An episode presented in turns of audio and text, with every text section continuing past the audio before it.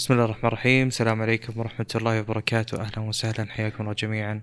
في الحلقة 58 من بودكاست اي اي أنا صالح معي أخوي عبد الله. أهلا وسهلا. حياك الله. آه، أخبار هذا الأسبوع نفتتحها في ال- اللي صار بسوق الكاميرات واللي يعني صار في نشاط أكثر مؤخرا. آه، من بداية يعني بداية من الـ R5 واللي جو بعدها وصارت المشاكل الغريبة جدا اللي كانت غير متوقعة أصلا. اللي هو مشاكل الحرارة. آم، فالسوق يعني نشط من بعدها وجدت الأساسات اللي تتيح للسوق إنه يكمل. يعني مثلا تعطيني القدرة على التصوير بريزولوشن عالي. ممكن تجي معها مشاكل مثل المشاكل اللي صارت بالحرارة. بس فعليا هذه المشاكل أنت قادر تعدلها بأشياء متعلقة بالكاميرا نفسها. يعني مثلا تقدر تحسن حل التبريد فقط. لكن المكون الاساسي اللي هو مثلا الـ sensor المعالج والأشياء هذه لا هي حقت مستقبل يعني. فهي تصير يعني shared مشتركة بين أكثر من platform فعموما اللي بقول أنا الحين إنه آه يعني إحنا فتحنا حد جديد آه في الفترة الماضية للكاميرات. يعني مثلا 8K 30 frame ما تعتبر حاجة حاليا لكن فعليا أنت تقدر تصور. يعني هو هذا الشيء موجود في. الكاميرا نفسها. لكن آه، على قولتهم الـ limitations متعلقة بالحرارة الوقت إلى آخره آه، سعة التخزين والأشياء هذه. بس فعليا تقدر تصور. المهم آه، تكلمنا عن الـ Blackmagic Pocket Cinema Camera 6K وقلنا إنها توفر خيار ممتاز وإلى آخره.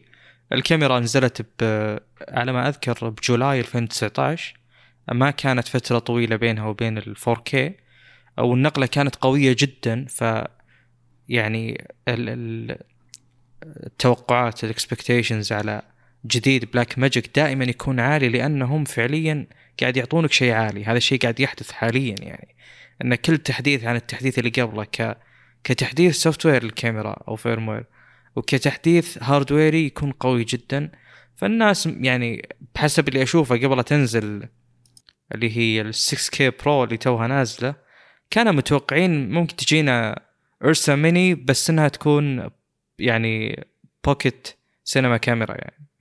وهذا شيء صعب طبعا بس انه يعني التوقعات هذا بس يوحي لك إن التوقعات جدا عالية. الناس تتوقع شيء كبير يعني 8K مثلا. لكن المفاجأة إنه ما كان ما كان 8K وال sensor نفسه وأغلب الأشياء نفسها. أه والله أعلم إنهم حاولوا يشوفون وش الناقص من تجارب ال 6K ويعني الشركة هذه بلاك ماجيك أه العميل عندها اولا يعني وهذا شيء سائد نوعا ما في ال... في الكاميرات سوق الكاميرات يعني. مو زي مثلا سوق الجوالات في أمور كثير تختلف أو الأجهزة الذكية عموما. فاللي صار يعني التحديثات اللي صارت عبارة عن تحديثات آه ما تلاحظها يعني وانت تجرب الكاميرا. يعني لو أقول لك مثلا تصوير RAW ولا تصوير 8K ولا 12K تلاحظها وانت تصور. لكن يوم أقول لك اطلع ال location معين وصور بست معين جلسة طول اليوم. هنا بتطلع لك أشياء أنت ما حسبت حسابها. أشياء كثيرة جدا. من ضمنها مثلا الحراره من ضمنها مثلا آه، استجابة ال focus لو كان continuous focus الأشياء هذه اللي ما تلاحظها إلا ببيئه حقيقية يعني. آه، مسكة الكاميرا تكون مثلا على قولتهم nose heavy ولا front heavy تكون ثقيلة من قدام. الأشياء هذه اللي تتعب فيها مع الوقت. فهم راحوا شافوا الأشياء اللي جدا مطلوبة وأتوقع إنها فعلا فعلا مهمة. أبرز شيء وأول شيء اللي هو ال built-in ND filter هذا الشيء دائما يكون موجود. دائما يعني تقريبا فوق 80% يكون موجود بالكاميرات اللي تجي من فئة مثلا ال C عند كانون C 100 200 إلى آخره. يكون فيهم ND filter وال FX من سوني وش اسمه؟ مثلا URSA Mini والكاميرات هذه. يكون هذا الشيء موجود فيها. وش السبب؟ آه، أو ليش أصلا يكون ND filter built-in أو ليش يكون موجود من الأساس؟ لأنه آه، غالبا التصوير يكون خارجي آه، في في كثير من الأحيان هذه الكاميرات. واللي مثلا يستخدم فتحة F 1.4 ولا ولا T ولا ايا كان يعني أتكلم في هذه الأرقام المنخفضة يواجه مشاكل. لأن بالفيديو أنت ما تقدر تتحكم يعني مو زي الفوتو. ما تقدر تتحكم بال يعني مثلا عندك آه، تبي depth of field معين ال shutter بيكون ثابت أنت مجبر على هذا الشيء وال frame ات أكيد ثابتة فما ودك تلعب بالايزو عشان ما تصير في مشاكل بالصورة فما له إلا ال ND filter ويحل مشاكل كثيرة طبعا. يعني مو مجرد بس تخفيض الإضاءة يحل أشياء أخرى. اللي موجود بالكاميرا هذه 2 4 أو 6 stops من ال ND يعني ثلاث وضعيات مختلفة. للأمانة إلى الآن ما أدري ولا متأكد إذا هو variable بس ما أتوقع يعني. زي اللي موجود بال FX 9 ما خاب ظني. وتعتبر إضافة مرة ممتازة ترى. إنها variable يعني ما عندك ثلاث أوضاع بس لل ND filter مثلا ال C 200 أخبر فيها وضعين لل ND filter جميل. فهو switch يعني هو تضغط زر يتغير من هنا لهنا. فما تقدر أثناء التصوير تعدل شيء أو تس يعني ترتجل. ما تقدر لأنه بيوضح أصلا في ND filter راح و ND filter جاء. أنا ما أتوقع إنه فاريبل لأنه مكتوب بالطريقة هذه أصلا. هو شو اسمه في 1 إلى الاف 6 إكس 9 مثلاً. الأصل؟ إنه زي السكرول يعني. بالضبط إيه. لكن في البلاك ماجيك هذه 6 6 كي برو اللي هي تجي على شكل إنها وش أقول؟ أزرار. زائد ناقص أو غيره. اي بس إنه ممكن يكون يعني تعرف ان تحديثاتهم تغير أشياء كثيرة يعني ينزلون لك برو ريز بريزولوشن معين ينزلون لك أشياء ما توقعت إنها تكون موجودة أصلا. فأنا ما أدري إذا الحدود هنا hardware يه ولا software يه إذا hardware يه أكيد خلاص ما يمديهم. لأن حتى لو كان زر زائد ناقص ترى مو مشكلة يعني يكون variable لكن بغض النظر يعني في على كل حال آه، المقصد إنه يعني ال variable له المتغير هذا له جدا ميزات ممتازة. ممتاز. آه نواصل آم، فيه مثل ما قلت 3 يعني في ثلاث أوضاع 3 stops 2 6 2 4 6 آه وهذه ميزة ترى يعني مرة مرة غير مسبوقة في كاميرا بهذا الحجم. يعني ما هي موجودة بال R 5 ولا ال R 6 ولا موجودة بال A 7 S 3 يعني لو اعتبرناهم منافسين لهذه الكاميرا. فهي راحت ال level الفئة الكاميرات يعني أقصد السعر يعني. لا، الفئة السعرية اي. بس هي الحين يعني بلاك ماجيك عندهم من فئة ال C حقت كانون اللي هو الكاميرا اللي تجي كبيرة زي ال URSA Mini عندهم هذا الشيء موجود. يجي منها 4.7 K الظاهر 5.9 ممتاز. إلى آخره. هذه تعتبر فئة أصلا هذه Pocket Cinema Camera وفيها هذا الشيء يعني شيء خرافي الصراحة جدا. وأنا للأمانة أستفيد منه. يعني أنا أحيانا أضطر في أحد المقاطع في أحد الزوايا. يكون آه، اضطر اتنازل عن depth of field فأكبر أو أصغر يعني أكبر الرقم أصغر فتحة العدسه أنا ما أبي طيب يمكن أبي depth field معين لكن مالك خيار للأسف بالفيديو يعني مو زي الصور. المهم إضافة ممتازة جدا تصوير جدا. بالنهار مفيد له يعني هو. امم نعم صحيح. الشمس تطلع الشمس تدخل إلى آخره تشتد وقت الظهر. آه الميزة الأخرى ال 6 K Pro الجديدة آه فيها منفذين إكس إل آر من إكس إل آر. وهذه إضافة أتوقع تهمك جدا جدا جدا. أنا للأمانة يعني أنا شخص ما أدري ما أدري ليش هذا الشيء فيني يعني بس ما أحب أعتمد على الكاميرا في التسجيل للأسف يعني دائما external recorder أستخدم ال... ايا كان ال Zoom H 1 ولا ايا كان يعني الجهاز ولا ال H 6 إذا كان متوفر. ف... هو المشكلة في عالم الصوتيات عموما يعني إن 3.5 له حد فإذا بديت توصل المايكات أعلى من كذا أعلى من منفذ 3.5 زي اللي خلاص يعني تكون ما عندك حل غيره يعني. إنه مم. لازم XLR إي بس آه، أنا أقصد وجوده على الكاميرا فيه على قولتهم limitations يعني أنا ليش أحط أحطها ضمن ال rig ال two mini XLRs؟ أشوف يعني بالذات إذا الكاميرا لها حركة وكذا. هو شوف شوف لا خلينا خلينا مو نوضح شرط كلامي إنه بطريقة أخرى. يعني مو شرط إنه سلك بس. قصدك متوقع إنه يكون يعني ريسيفر في أيوه receiver transmitter حتى لو حتى لو ليش يكون على الكاميرا؟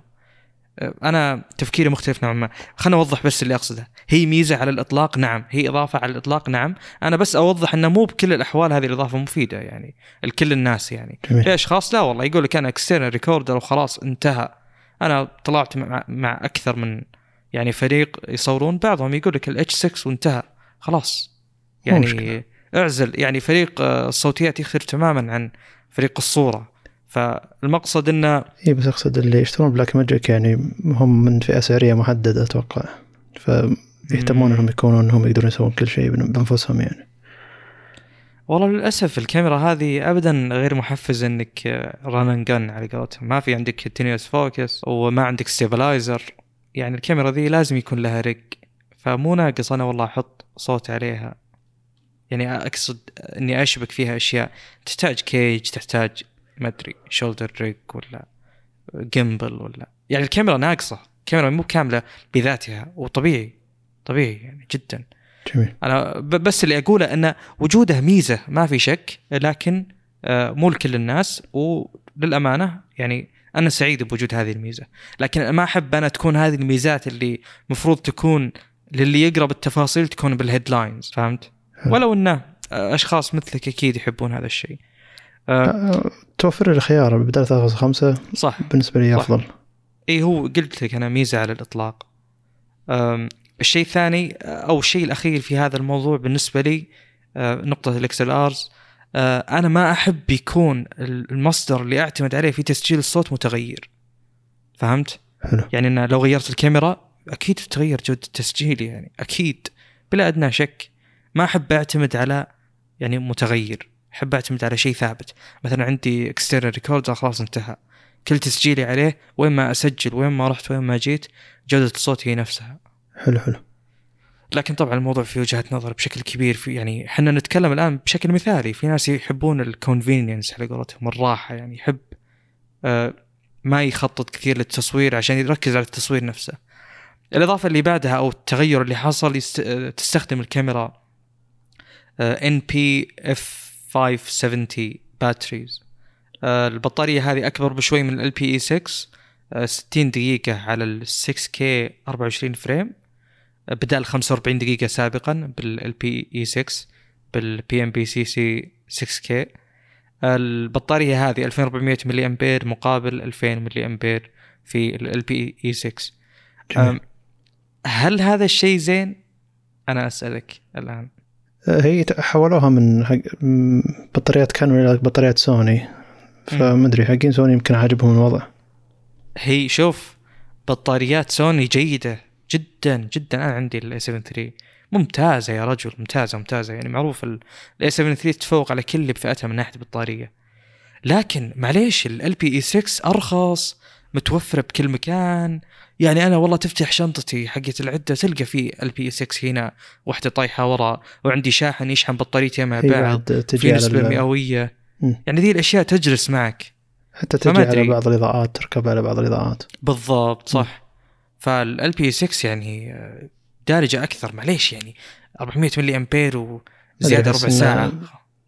زي اللي يحب سوني ويا إنه يشتري مثلا A 7 S 3 ولا مم. بيشتري Blackmagic ترى Blackmagic بتعطيك نفس البطاريات ما يحتاج تشتري بطاريات مم. ممكن أقصد الاضافات. الكاميرا هذه مو مرة ممتازة يعني فما يحتاج ذاك الشيء ال- القوي يعني مم. طيب الشيء اللي بعده اللي هو tilt screen الأول الشاشة fixed ما تتحرك ثابتة وهذا الشيء يا جماعة صدقوني إنه يفرق والله يفرق يفرق بشكل مو طبيعي لأن أنت ما تكون على على زاوية الكاميرا طول الوقت وهي ما هي جوال. الجوال تخلي آه، زاوية الشاشة عليك أنت متعامدة مع نظرك. الكاميرا لا أنت تبي تلقط شيء وتبي تناظر بنفس الوقت. ففكرة ال tilt اللي عندي بال A 7 3 لاحظ بس tilt ما يمديك swivel ما أدري وشو ما يمديك تلفها عليك بس ترتفع وتنزل بمكانها. يعني اللي ورا الكاميرا ما يشوف الشاشة ما تقدر هنا.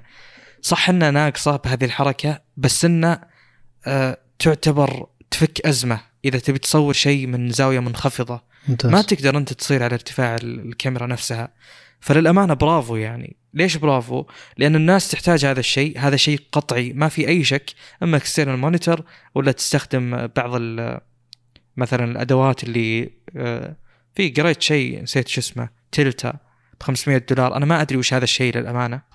آه، لكن يعني الناس قاعدة تدفع فلوس عشان تخلي ال- الشاشة تتحرك يعني. الشيء هذا عبارة عن لأن خارجية. أصلا 500 دولار تخيل. مم. 500 دولار. الناس تدفع عشان بس يصير كاميرا تلت وكذا. فاضافه. ممتازة بلا أدنى. شك. ومفروض إنها موجودة من أول لكن أوكي جت الحين ما في مشكلة.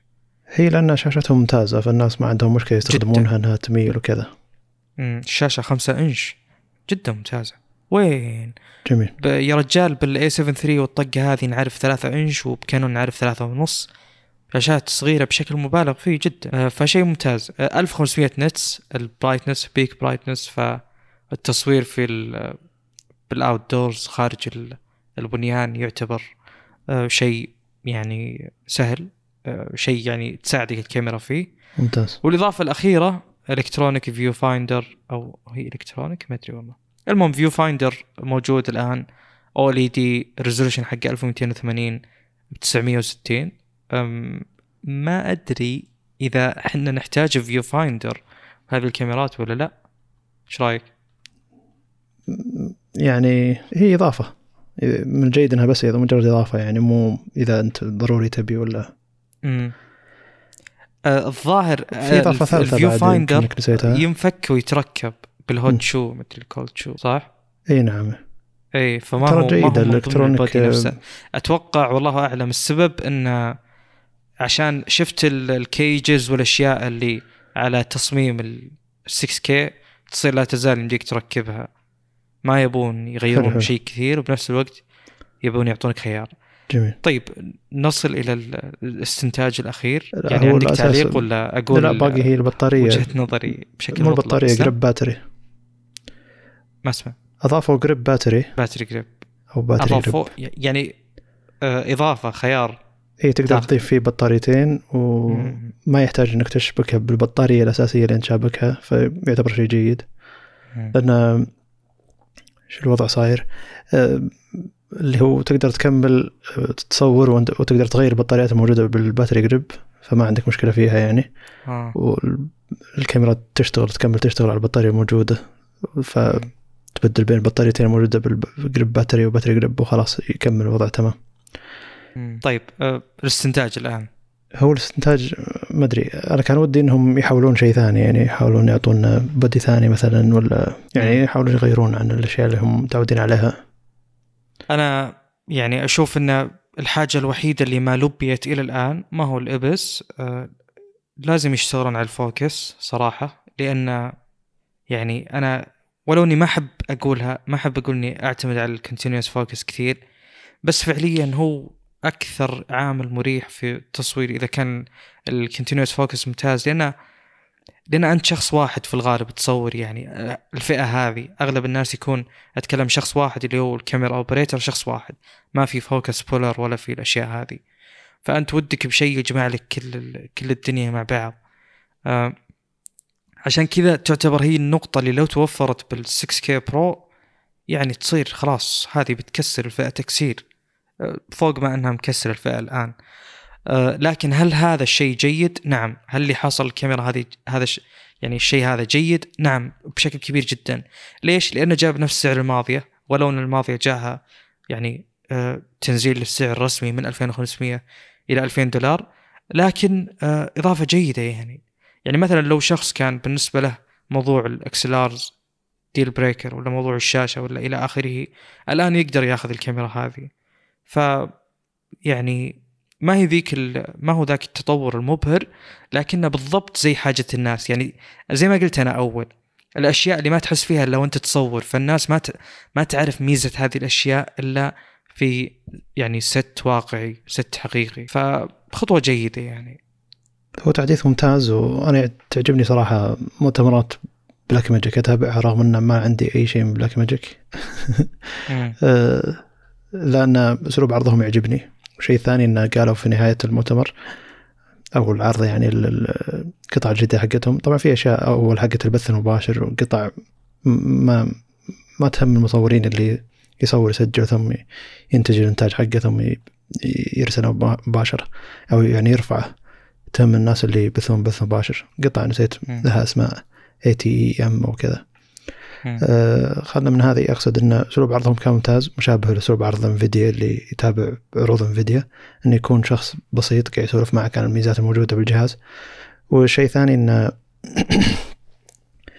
آه، بالنهاية قال إن ال- الصوتيات يعني حقت الأجهزة يعني أقصد مو صوتيات التحديث حق الألوان لكل الأجهزة بيكون أو كل الكاميرات بيكون متوفر لكل الكاميرات مو بس الكاميرا الجديدة فهذا يعتبر شيء جيد. فيعني أنت ما تحتاج إنك آه، تشتري الكاميرا الجديده عشان فيها مثلا picture profiles أجدد أو الألوان فيها أحدثوها. قالوا لا كل تحديث هذه الألوان أو أي شيء بيوصل لكل الكاميرات Blackmagic فيعتبر شيء جيد. بعض الشركات مم. الثانية مثلا لا لازم تشتري الكاميرا الفلانية عشان تجيك الألوان الفلانية لازم تشتري الكاميرا الفلانيه عشان تجيك الألوان الفلانية فيعتبر شيء مزعج. كانون نزلت كاميرا جديدة من سلسلة C اللي هي السلسلة اللي تعتبر غالبا تركز على الفيديو بشكل أكبر من الفئات الأخرى زي مثلا فئة ال R5 وال R6 وال R اللي يعتبرون mirrorless اللي يعتبرون hybrid بين الفوتو والفيديو. آه، عموما آه، أول تعليق يعني أول ردة فعل أول ما شفت الإعلان أو شفت اسم الكاميرا إنها سي 70 سي 70 يعني إن ليش الاسم بهذه الطريقة؟ آه، لو تشوف مثلا ال C100 تتوقع إن ال C100 أفضل من ال C70 لكن ال C100 جدا قديمة وما تصور إلا full HD 30 frame فتعتبر متأخرة جدا.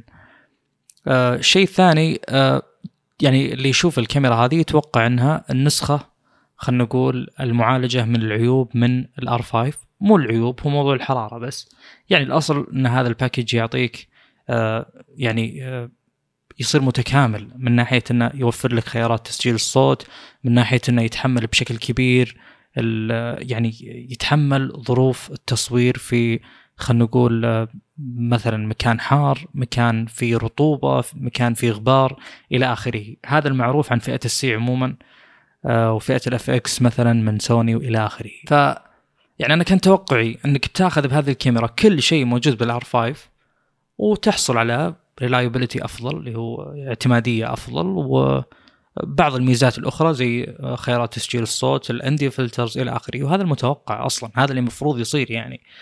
لكن ما صار هذا الشيء بالضبط صار شيء مقارب له.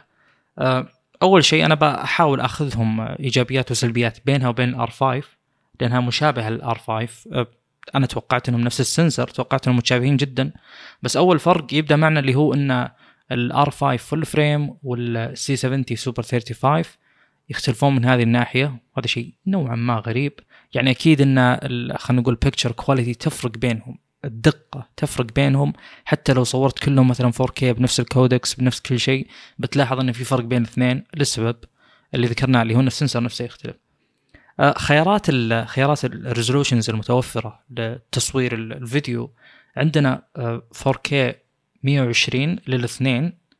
آه، عندنا ال R5 تتفوق إنها تصور 8K 30 frame وتتفوق أيضا إنها تصور 4K اللي هو ال HQ 120 اللي يصير آه، الأصل إنه 8K بس إنه آه، يعني آه، مضغوط إلى إنه يكون 4K فهو فعليا أفضل يعني.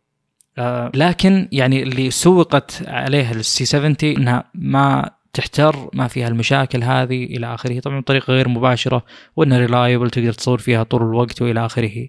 لكن السؤال الآن المشاكل أغلبها كانت بال 8K 30 frame وبال 4K HQ ال 120 فأنت الآن شلت الخيارين هذه أصلا وقلت والله أعطيتكم كاميرا reliable فما أدري يعني أنت المفروض تعطيني الكاميرا هذه السي 70 فيها مروحة. فالمفروض تعطيني الخيارات اللي شلتها مني ذيك. المفروض تكون موجودة بهذه الكاميرا. فجدا استغربت للأمانة. جدا جدا استغربت من إزالة الخيارين. أنا ماني حريص على بالذات خيار ال 8K 30 فريم ولا أتوقع ان في حريص أحد حريص بهذا الوقت. لكن على العموم يعني أنت الأصل وفرت مروحة فانتهى الموضوع. لكن شيء جدا للأمانة مستغرب يعني جدا جدا مستغرب. يعني كأن الكاميرا رجعت لورا وهي أجدد أصلا من ال R5 في يعني فروقات أخرى بين الكاميرتين فروقات غريبة وتحتاج تنبش بالمواصفات وتشوف تجارب عشان تعرفها. مثل مثلا ال slow motion يعني تقدر بال 120 4K 120 أو بال 120 frame عموما تقدر بال C70 إنك تسجل صوت. بينما بال R5 ما تقدر تسجل صوت. آه، قد يكون الصوت مهم إذا أنت بتصور آه، يعني ب 4K 120 ثم مثلا تطلع منها 30 frame بس. بالذات إذا بتستخدم المنافذ اللي موجودة فيها بتسجيل الصوت يعني مو مايك الكاميرا نفسها. الفرق الغريب جدا إن ال R5 آه، يعني ال noise reduction فيها أو ال low light performance فيها أحسن بكثير. فرق كبير جدا عن اللي هو ال C70 والسبب يعني الواضح بسبب ال sensor إن هذه سوبر 35 وهذه full frame آه، أداء يعني الإضاءة المنخفضة بال C70 سيء جدا جدا جدا يعني جدا سيء. شفت أكثر من مقطع طبعا أتكلم في ظروف غير جيدة وليس في يعني الظروف العادية. أنا بتلاحظ noise وكذا. لا بس إذا رفعت الايزو بتطلع المشاكل. أتكلم على 25000 أدري إن هذا الناس ما تستخدمه أصلا. بس على كل حال يعني ال low light performance فيها سيء وغريب إنه يكون كاميرا بهذا الوقت. يعني لا زالت تعاني من المشاكل هذه. وحنا ندري يعني هي ما هي مشاكل بس متعلقة بال sensor والأشياء ال hardware يه يعني هي أشياء المفروض مع الوقت آه، خلينا نقول AI والأشياء هذه تعدل المشاكل وتتحسن تصير كفاءتها أفضل مع الوقت. آه، شيء أيضا غريب جدا آه، بين الكاميرتين ذولا إن ال C70 ما فيها 5 axis stabilizer ما فيها لا يوجد. يعني ما عندك إلا ال digital stabilizer ال R5 فيها ال IBIS in-body image stabilization وفيها ال digital stabilizer فالأداء أحسن بكثير بكثير بكثير بال R5 يعني آه، أحسن فرق واضح جدا. يعني كأن كأن اللي موجود بال C70 هو الموجود أيام الكاميرات اللي فيها IS العدسات اللي فيها IS تركبها على مثلا 5D Mark 3 تاخذ عليها عدسة فيها IS آه، تقريبا نفس الأداء أداء سيء جدا غير مقبول. طبعا في ناس تقول أكيد إن هذه الكاميرات تستخدم على rigs كبيرة تستخدم على gimbals إلى آخره بس يعني هي الكاميرا أصلا فعليا أكبر ال C70 هي أكبر بكثير. فيعني أنت لو تاخذ ال R5 مع gimbal يمكن يجيك الحجم أو الوزن آه، قريب من السي 70 فالسي 70 أولى إنه يكون فيها اللي هو المثبت الداخلي الفعلي ال IBIS اي IBIS وشيء أخير اللي هو ال يعني ال resolution أو الميجا بكسل الموجود بال C70 عبارة عن 8.6 تقريبا يعني أقل من 9 على كل حال.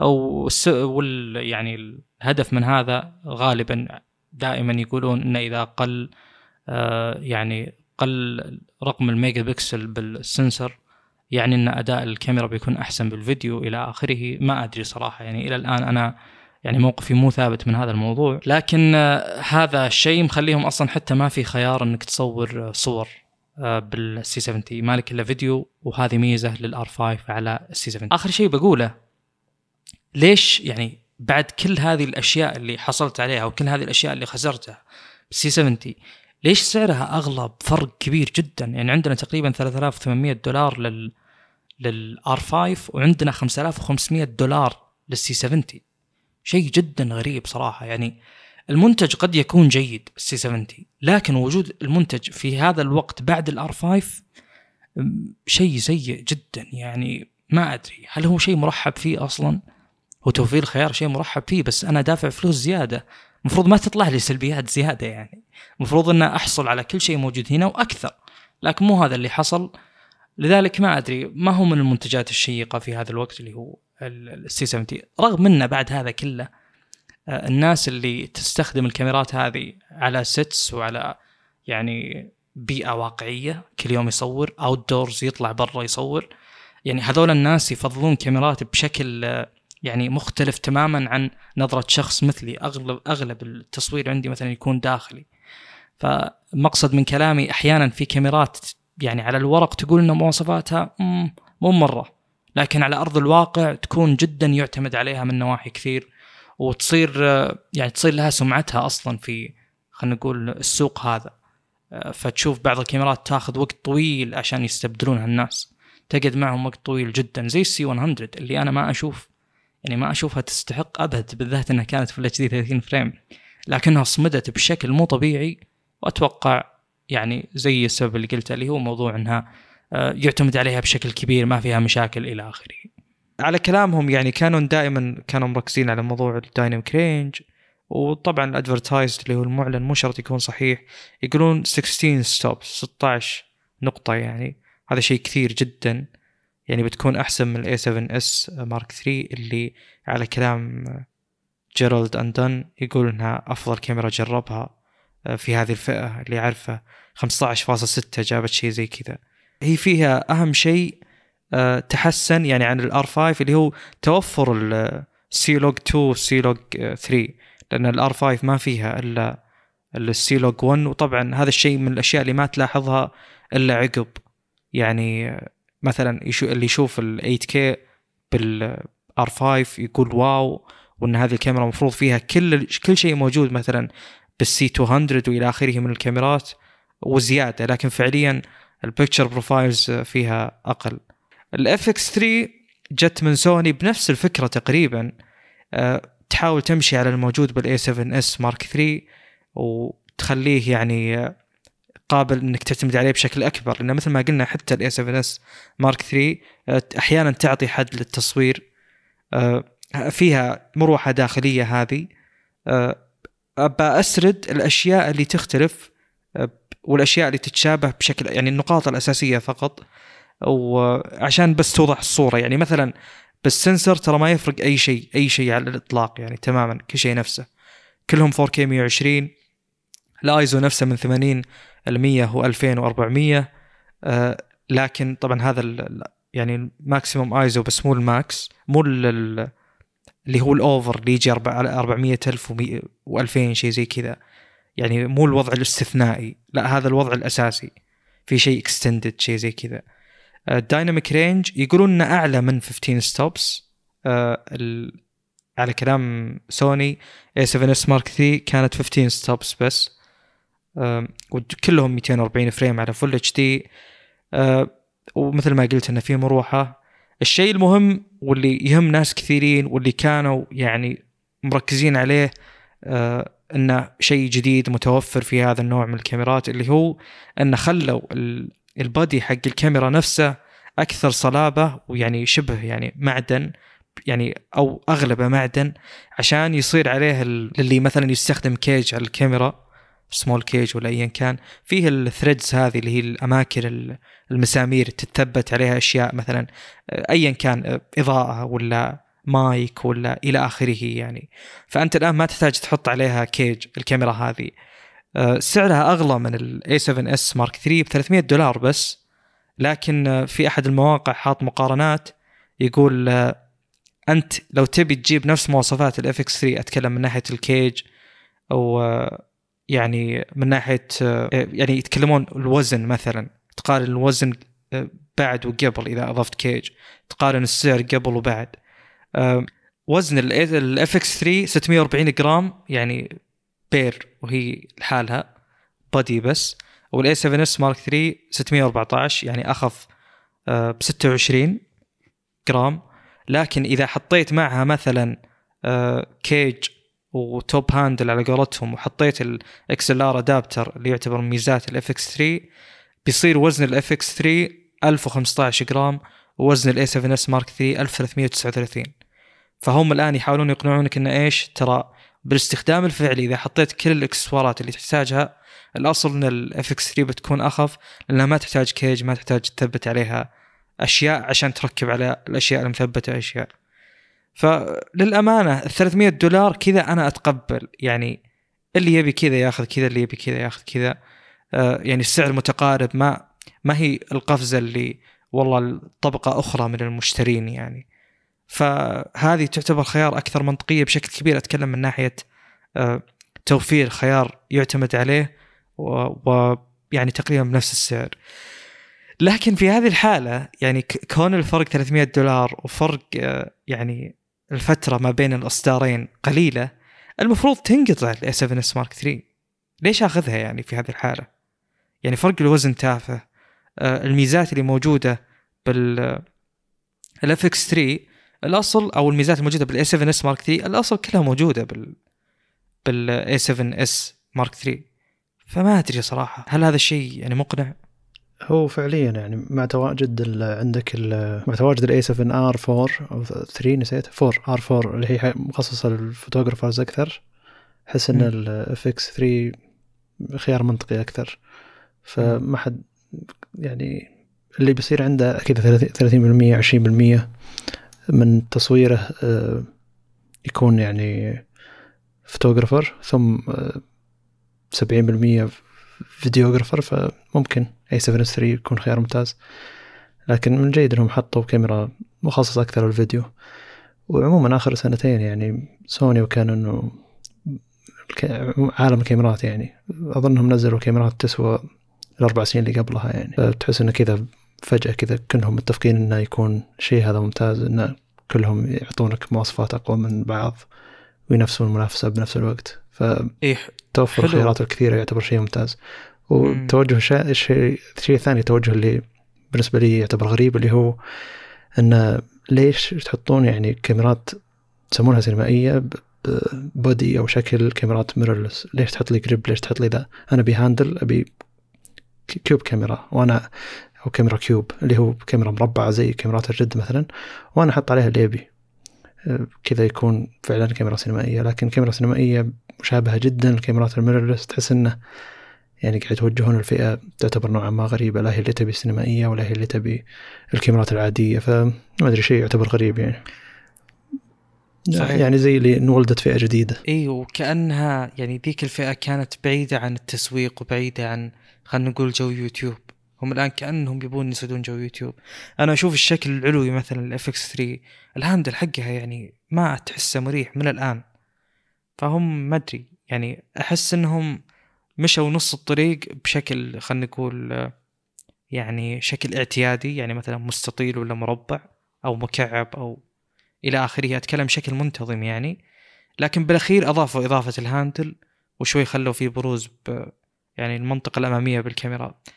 ف ما أدري والله. لكن لكن بعد هذا كله آه هي ما تصور ال FX3 يعني آه معليش هذا الشيء تو قلته أنت. أنا ذكرت إن كل شيء تحصل عليه بال a7S Mark 3 تلقاه بال FX3 بس إنها ما تصور صور. فإذا أنت تبي صور ما يعني ما عندك خيار أصلا. آه لكن غير كذا يعني مثلا في حالتي أنا أنا ما أصلا ما أحتاج صور. يعني شراء ال FX3 يعتبر الشراء الأفضل على يعني بالراحة ما يحتاج. يعني 300 دولار هذه مو بس زيادة 300 دولار لا إذا أنت تبي تشتري الإكسسوارات هذه تعوضها بال a7S Mark 3 بيطلع عليك السعر أغلى يعني أغلى من 300 دولار بكثير يعني ممكن توصل 4000 دولار. فيعني لو خلوها تحديث و... وكأنهم قتلوا سوق ال a7S Mark 3 أتوقع بيكون أحسن. لأن الكاميرا هذه واضح إنها تحديث واضح جدا يعني. أو بالأساس أصلا السؤال زي ما سألناه قبل مرات كثيرة إنه كيف طلعت مشاكل حرارة؟ كيف؟ يعني كيف ما قدروا أو ما اختبروا الكاميرا الكاميرات هذه ببيئه يعني زي ما تقول قاسية نوعا ما؟ ما أدري والله. دائما أتساءل هذا السؤال. يعني أتوقع انه شيء بديهي بالنسبة لي ولك أنت وحنا أشخاص عاديين أن نختبر الكاميرا في ظروف قاسية لأن هذه طبيعة ال sets وطبيعة الأماكن ال locations اللي تتصور فيها الأشياء هذه. يعني الناس تبي كاميرا أطلع برا الجو في رذاذ في مطر في غبار إلى آخره. أقدر أعتمد عليها. إذا ما أقدر أعتمد عليها شلون؟ شلون أصور يعني؟ ف يعني واللي يضحك إن الغلطة صارت من الاثنين من سوني ومن كانون وبنفس الوقت. ما أدري والله. شيء دائما أتساءل فيه كثير يعني. هو الخيار يعني سوني مو بمرة لكن كانوا شيء ملاحظ أكثر خاصة الجو اللي يكون نوعا ما طبيعي مو حار جدا يعني. بس عموما يعتبر خيار أفضل لأن المراوح موجودة فيه لأن وكلها سي 70 والاف إكس 3 تعتبر خيار أفضل حقين كانون وخيار أفضل حقين سوني للفيديو. وإذا كنت تبي photo photo يعني تحتاج ترتفع أكثر. في كاميرا ثانية اللي هي الالفا 1 لكنها ب 6500 دولار فيها كل شيء. فجمعت كل شيء من الكاميرات ذي وحطتهم ب mirrorless body يعني اللي هو 8K و50 ميجا بكسل الكاميرا وأضافت كل شيء حتى من R منافذ. فجمعت بين حتى ال A7R4 وجمعت بين ال A7S3 فيعتبر شيء جيد. 6500 أعتقد إنها من أفضل الكاميرات اللي جمعت ال 6500 دولار من أفضل الكاميرات اللي جمعت بين الفيديو والفوتو. طيب ننتقل إلى خارج الكاميرات. نعم. طيب أول شيء عندك تطبيق جوجل تسجيل الصوت على أجهزة بيكسل. صار له واجهة في الويب. يعني إذا كان عندك كمبيوتر تقدر تفتح صفحة اسمها record recorder dot Google dot com إذا كان عندك جهاز بيكسل.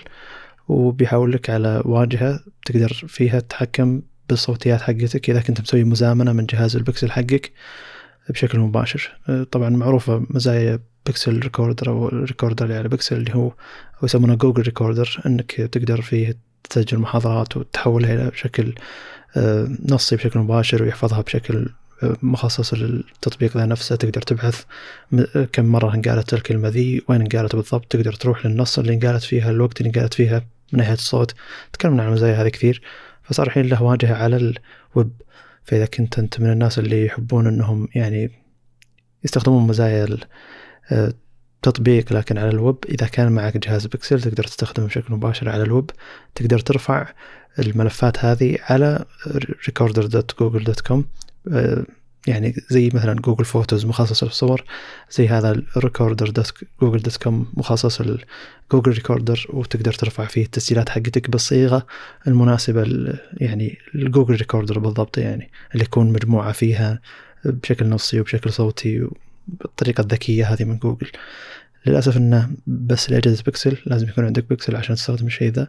لكن يعتبر شيء جيد إنه يعني وفر لك خيار إنك تكون آه، تستخدمه مكان ثاني وفر لك خيار إنك ترفعه كملف ومكان يعرف شلون يتعامل مع الملف هذا. فيعتبر شيء جيد. وجوجل يعني هو الحصرية طبعا هو الشيء أتوقع اللي يعني مزعج نوعا ما.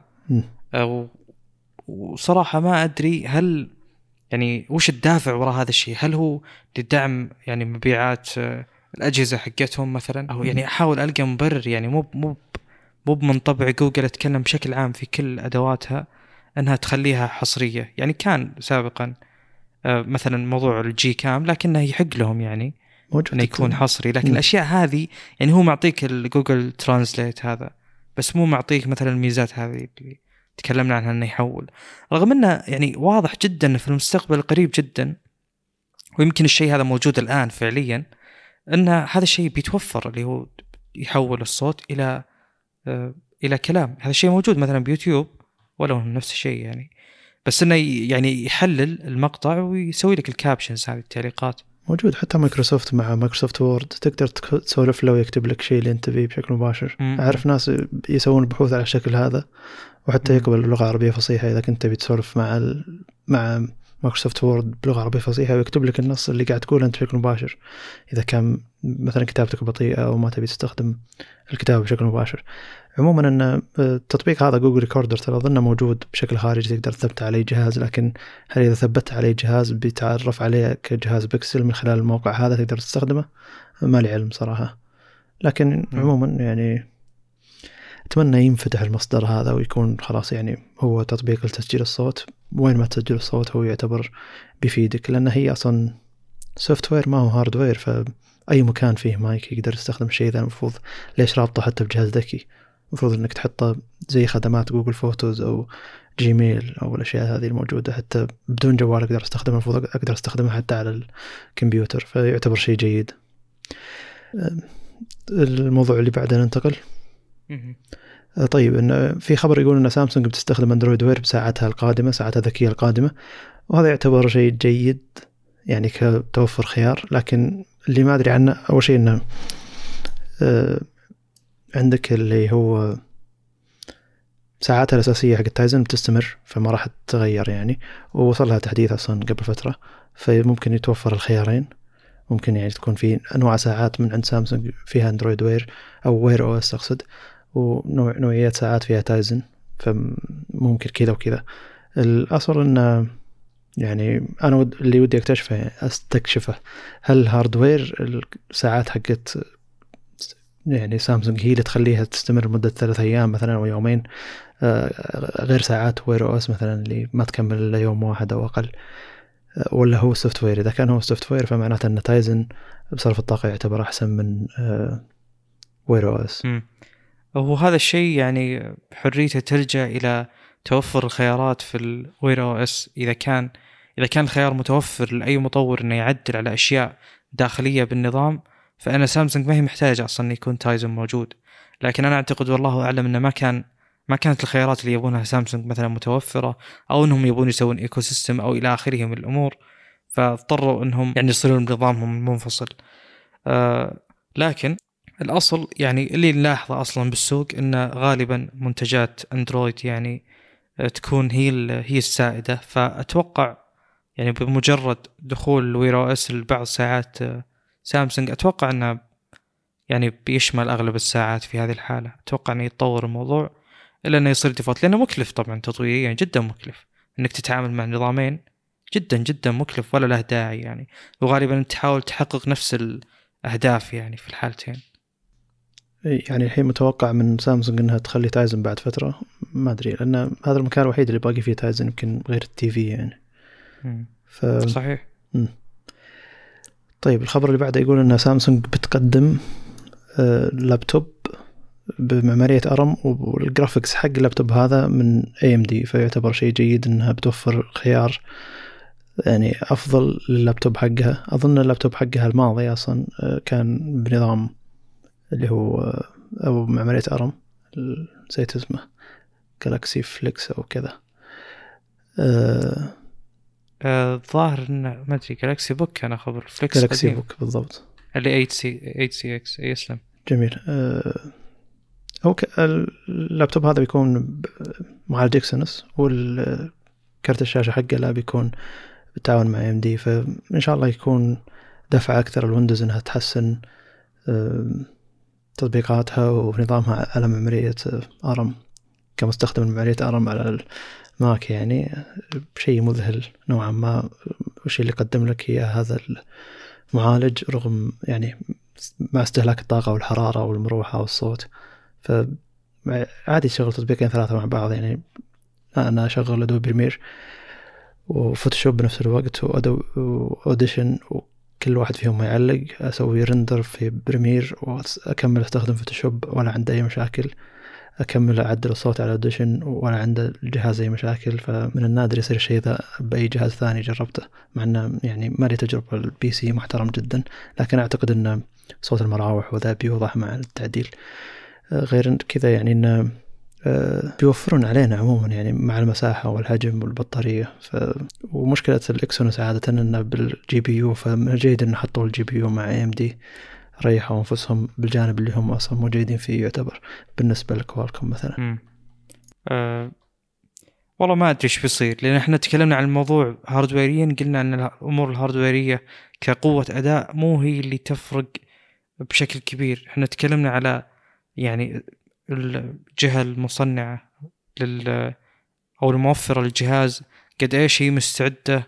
يعني تخلي في أشياء متوفرة مثلا بالواجهة أو متوفرة بالنظام نفسه تساعد على يعني زي ما تقول التناغم ما يصير شغل ايميوليشن فالموضوع ما نقدر نقيسه إلا إذا شفناه على أرض الواقع ولا ما راح يعني ما راح يتم. ما راح يتم شيء يعني يستاهل. بيصير نفس التجارب الماضية. مين بيشتري؟ يعني ويندوز على ARM غير محفز يعني. هو لازم يعني مايكروسوفت حقق وعدها في إنها توفر emulation ممتاز اللي يدعم ال 64 bit يعني. قالت إن نهاية السنة الماضية إنها بتدعم الشيء ذا وبيتوفر لكن مجرد كلام يعني. مم. طيب في مزايا جديدة لتليجرام وصلت التطبيق تعتبر مزايا غريبة يعني. أول شيء إنه في شيء اسمه auto delete timer اللي هو الكل الكل المحادثات حقتك فأنت تختار إن كل المحادثات حقتك تنحذف بعد 24 ساعة إلى سبع أيام من ال... من ما ترسلها يعني. فإذا كنت أنت من الناس اللي ما يبي زحمة مثلا أو حريص على الخصوصية مثلا بالتطبيق حقه أو بتليجرام تقدر إنك خلاص تخلي نفس ال تخلي نفس التطبيق يحذف كل المحادثات بعد 24 ساعة إلى سبع أيام باختيارك أنت. الشيء الثاني انه إذا أنت admin في group وال group هذا وصل للحد الأعلى من المستخدمين في يعني في ال group تقدر تحول هذا ال group إلى قناة وتقدر تخلي بس كم مدير أو كم admin ثاني يقدرون يتكلمون في في القناة هذه. فزي اللي خلاص تحد من ناحية انه ممكن يدخلون الناس يسوون شوشرة وحوسه وإن ناس ما لهم أهمية من ناحية النقاش أو ما يفيدون أحد. زي مثلا عندنا صاير ب group ملاك OnePlus عندنا في group تليجرام 1200 شخص تقريبا. كلهم يسألون ولا حد يجاوب ف صاير شيء مزعج. والرسائل المهمة أو المفيدة أو الأخبار حقت OnePlus تضيع مع أن في قناة ثانية فيها أخبار يعني لكن أقصد إذا وصل إذا 1200 2000 يعني بيكون شيء مزعج أن كمية الناس اللي ما تفيد وكمية الناس اللي تسأل كمية ال شو اسمه ال spam اللي يجي أصلا بال group تعتبر مزعجة. فيعتبر خيار جيد إنك تخلي عدد معين من الناس يقدرون يتكلمون وخلاص تحول قناة بدل ما إنها group أه ما تلاحظ إن تليجرام يحاول يركز على أمور الحذف؟ أتوقع إنهم بدأوا يمرون بمشاكل ال volumes storage يعني. مم. لأن الآن ما عاد عندك خيار في تكلمت عنها قبل فترة. أنا ما عندي ما عاد عندك خيار في أتكلم اندرويد ما أدري عاد حسب. آه، النسخة أتوقع تفرق يعني. لكن الضغط الآن صار إجباري ضغط الصور وأيضا الضغط قوي جدا جدا جدا. يعني ما هو ما هو ضغط بسيط. آه، الضغط يعني يبين ما يحتاج اوريك حجم الصورة عشان تعرف إنها تفرق ولا لا. يعني جميل. الضغط حق واتساب أفضل من الناحية. وعلى فكرة هذا الشيء ذكرناه قبل إن الضغط مربوط بالجهاز اللي تستخدمه لأنه يتم محليا. ما في فائده لو يتم عن طريق يعني مثلا السيرفرات ال cloud ابدا ما في فائده إنهم يحاولون يقللون ال load على السيرفرات في العملية هذه. ففي هذه الحالة الأصل إن ضغط الصور أو الملفات يختلف من جهاز لجهاز بناء على الاداء بناء على أشياء كثيرة. زي مثلا ما أن موضوع تحليل الصور في مثلا أجهزة سامسونج اللي بإكسينوس مع كوالكوم تفرق. فهذا الشيء أتوقع إنه يفرق. يعني مثلا يوم تجي ترسل من ال desktop عندك خيار يوم تجي ترسل من الجوال ما عندك خيار. فمقصدي إنه واضح إنه في مشاكل بالمساحات آه، عند تليجرام. هذا شيء منطقي جدا. هذا يعني هذا الوقت اللي المفروض يصير فيه. وأنا ما أدري يعني ك ك business يعني أتكلم بالنسبة للتليجرام يعني أنت كيف تعطي ال user حرية كاملة حتى بالسياسات؟ في إنه يستخدم ما يعني اللي يشتهيه من من التخزين مثلا؟ كيف؟ المفروض في حد معين. مثلا المفروض تقول ال bandwidth المحدد لل user باليوم الواحد مثلا 10 جيجا ما يقدر يتجاوزها. ف يعني سياسات تليجرام بتشهد تغير كبير جدا في المستقبل القريب لازم. إيه. الغريب إن الميزة ذي اللي حطوها حقت إنك تحول جروب إلى قناة مثلا. يقول لك ترى ال limit حق الجروب 200 ألف شخص يعني فما أدري إذا في جروب فيه 200 ألف شخص يعني. يعني إيش بيكون هذا؟ ال limit 200 ألف؟ يعني الحين يجون الناس اللي عندهم حس إنه ودي أجرب شعور ال 200 ألف شخص والناس تحاول تسويه وهي محتاجة لو إنهم سكتوا أتوقع أحسن. ما أدري. بس عموما هي تصير زي ما أدري أحس إنه يتحول الجروب ذاك إلى زي اللي مدري إيش يسمونه thread حق Reddit مثلا أو شيء زي كذا اللي يكون في ناس واجد تتكلم ويكون في منشورات عليها ردود كثيرة وكذا. هو يعني تليجرام جاهز مثل هذه الأمور عنده ميزات يعني فعليا موجودة زي مثلا فكرة إنك ما تقدر ترسل رسائل إلا كل وقت معين ممتازة. زي اليوم تدخل جروب في زحمة يقول لك كل عشر, ثي... عشر ثواني لك رسالة واحدة فقط. شيء مرة ممتاز. يخليك أوه زي ما تكلمنا قبل يخليك تجمع كلامك كله برد واحد لأنه ما عندك غيره هذا يسمونه يعني بالبثوث تويتش يعني ويوتيوب إي إذا تأخرت عشر ثواني تلقى السالفة حقتك خلصت أصلا بدأوا سالفه ثانية جميل. من الزحمة يعني. طيب آه، نواصل. نكمل هنا. آه، في أجهزة جديدة وبمسميات شيقة جدا جدا جدا آه، لكن المسمى الحالة ما يكفي وواضح أن المسمى يعني غير مرتبط بالجهاز بشكل أساسي كمواصفات وكتوجه مرتبط بالجهاز ك كسوق يعني اللي هو جديد شاومي ريدمي K 40 K 40 Pro K 40 Pro Plus قبل أن ندخل في التفاصيل المواصفات وكذا الجهاز من الخلف عبارة عن Mi 11 وهذا مو مو عادة آه، شاومي إنها تسلك هذا الاتجاه ابدا. آه، يعني هذا الجهاز ما يعتبر آه، من سلسلة K أصلا من ريدمي ابدا. السبب ليش أقول ذا الكلام أنا؟ لأنه يعني الجهاز ذاك الأصل إنه يتبع فكرة إنه فيه الكاميرا اللي تدخل وتطلع يعني تكون الشاشة بشكل كامل. فهذا الجهاز رايح يشبه شيء مختلف تماما اللي هو المي 11 ممكن تكون لغة التصميم الجديدة لشاومي ما ندري صراحة. لكن عموما آه، حاليا نقدر نستفيد إن K معناه انه للسوق الصيني فقط. آه، ممكن للسوق الأوروبي ما أو ممكن لسوق ثاني ممكن يطلع لسوق ثاني بس الأصل إن ذي الأشياء للسوق الصيني إلا إذا طلعت شيء يقول خلاف هذا.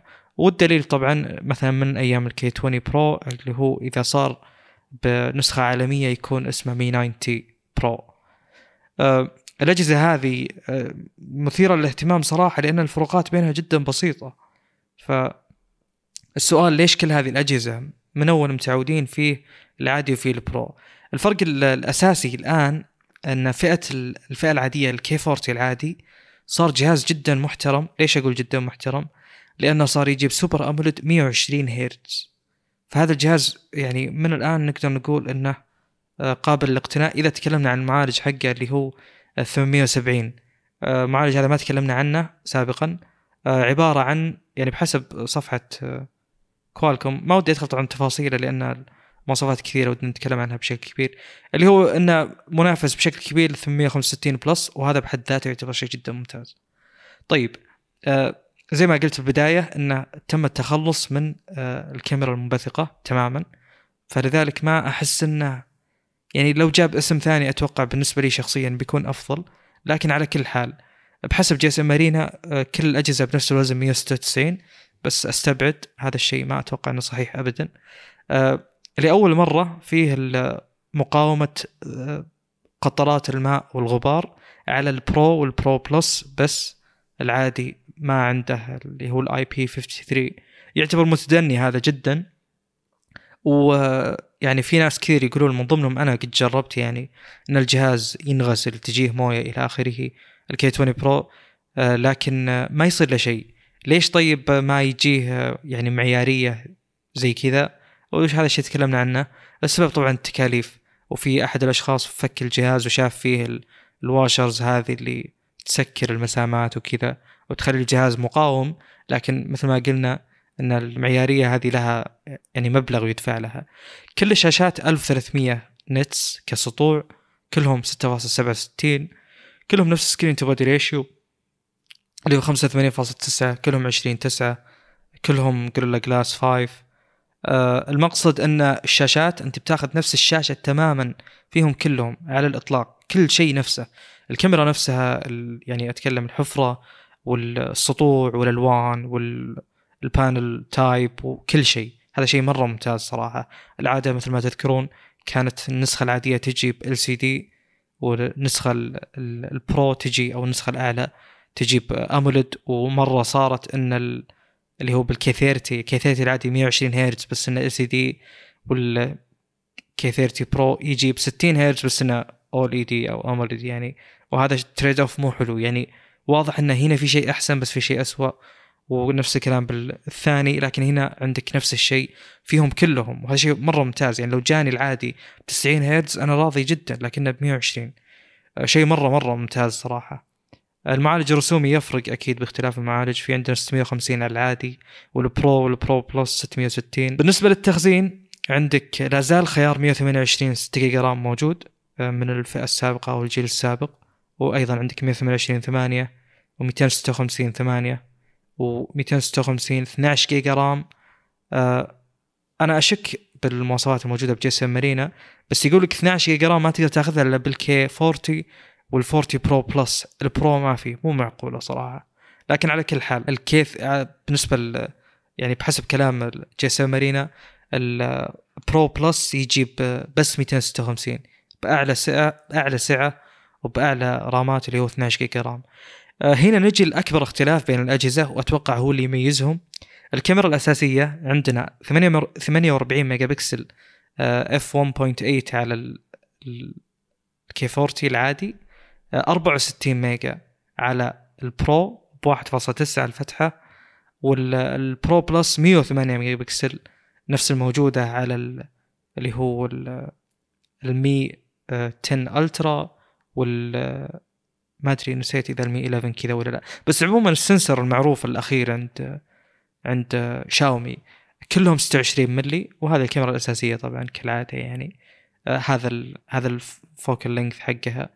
الكاميرا الثانية اللي هي ال ultra wide كلهم آه، نفس الكاميرا تماما اللي هي 8 ميجا بكسل 2.2 والزاوية 119 الكاميرا الثالثة آه، نفس الكلام كلهم نفس الشيء كلهم فيهم هذه الكاميرا آه، اللي هي 5 ميجا بكسل macro 50 ملي لاحظت ملاحظة غريبة بما أني مستخدم هذه الأجهزة أو يعني مستخدم مثلا ال K 30 Ultra اللي هو ان الماكرو ما هي موجودة by default يعني أنت تلف الجهاز تشوف خلف الجهاز تشوف إنه في أربع كاميرات لكن فعليا يوم تجي تفتح الكاميرا تلقى عندك ثلاث أبعاد فقط آه، اللي هو ال ultra wide وال wide وال telephoto.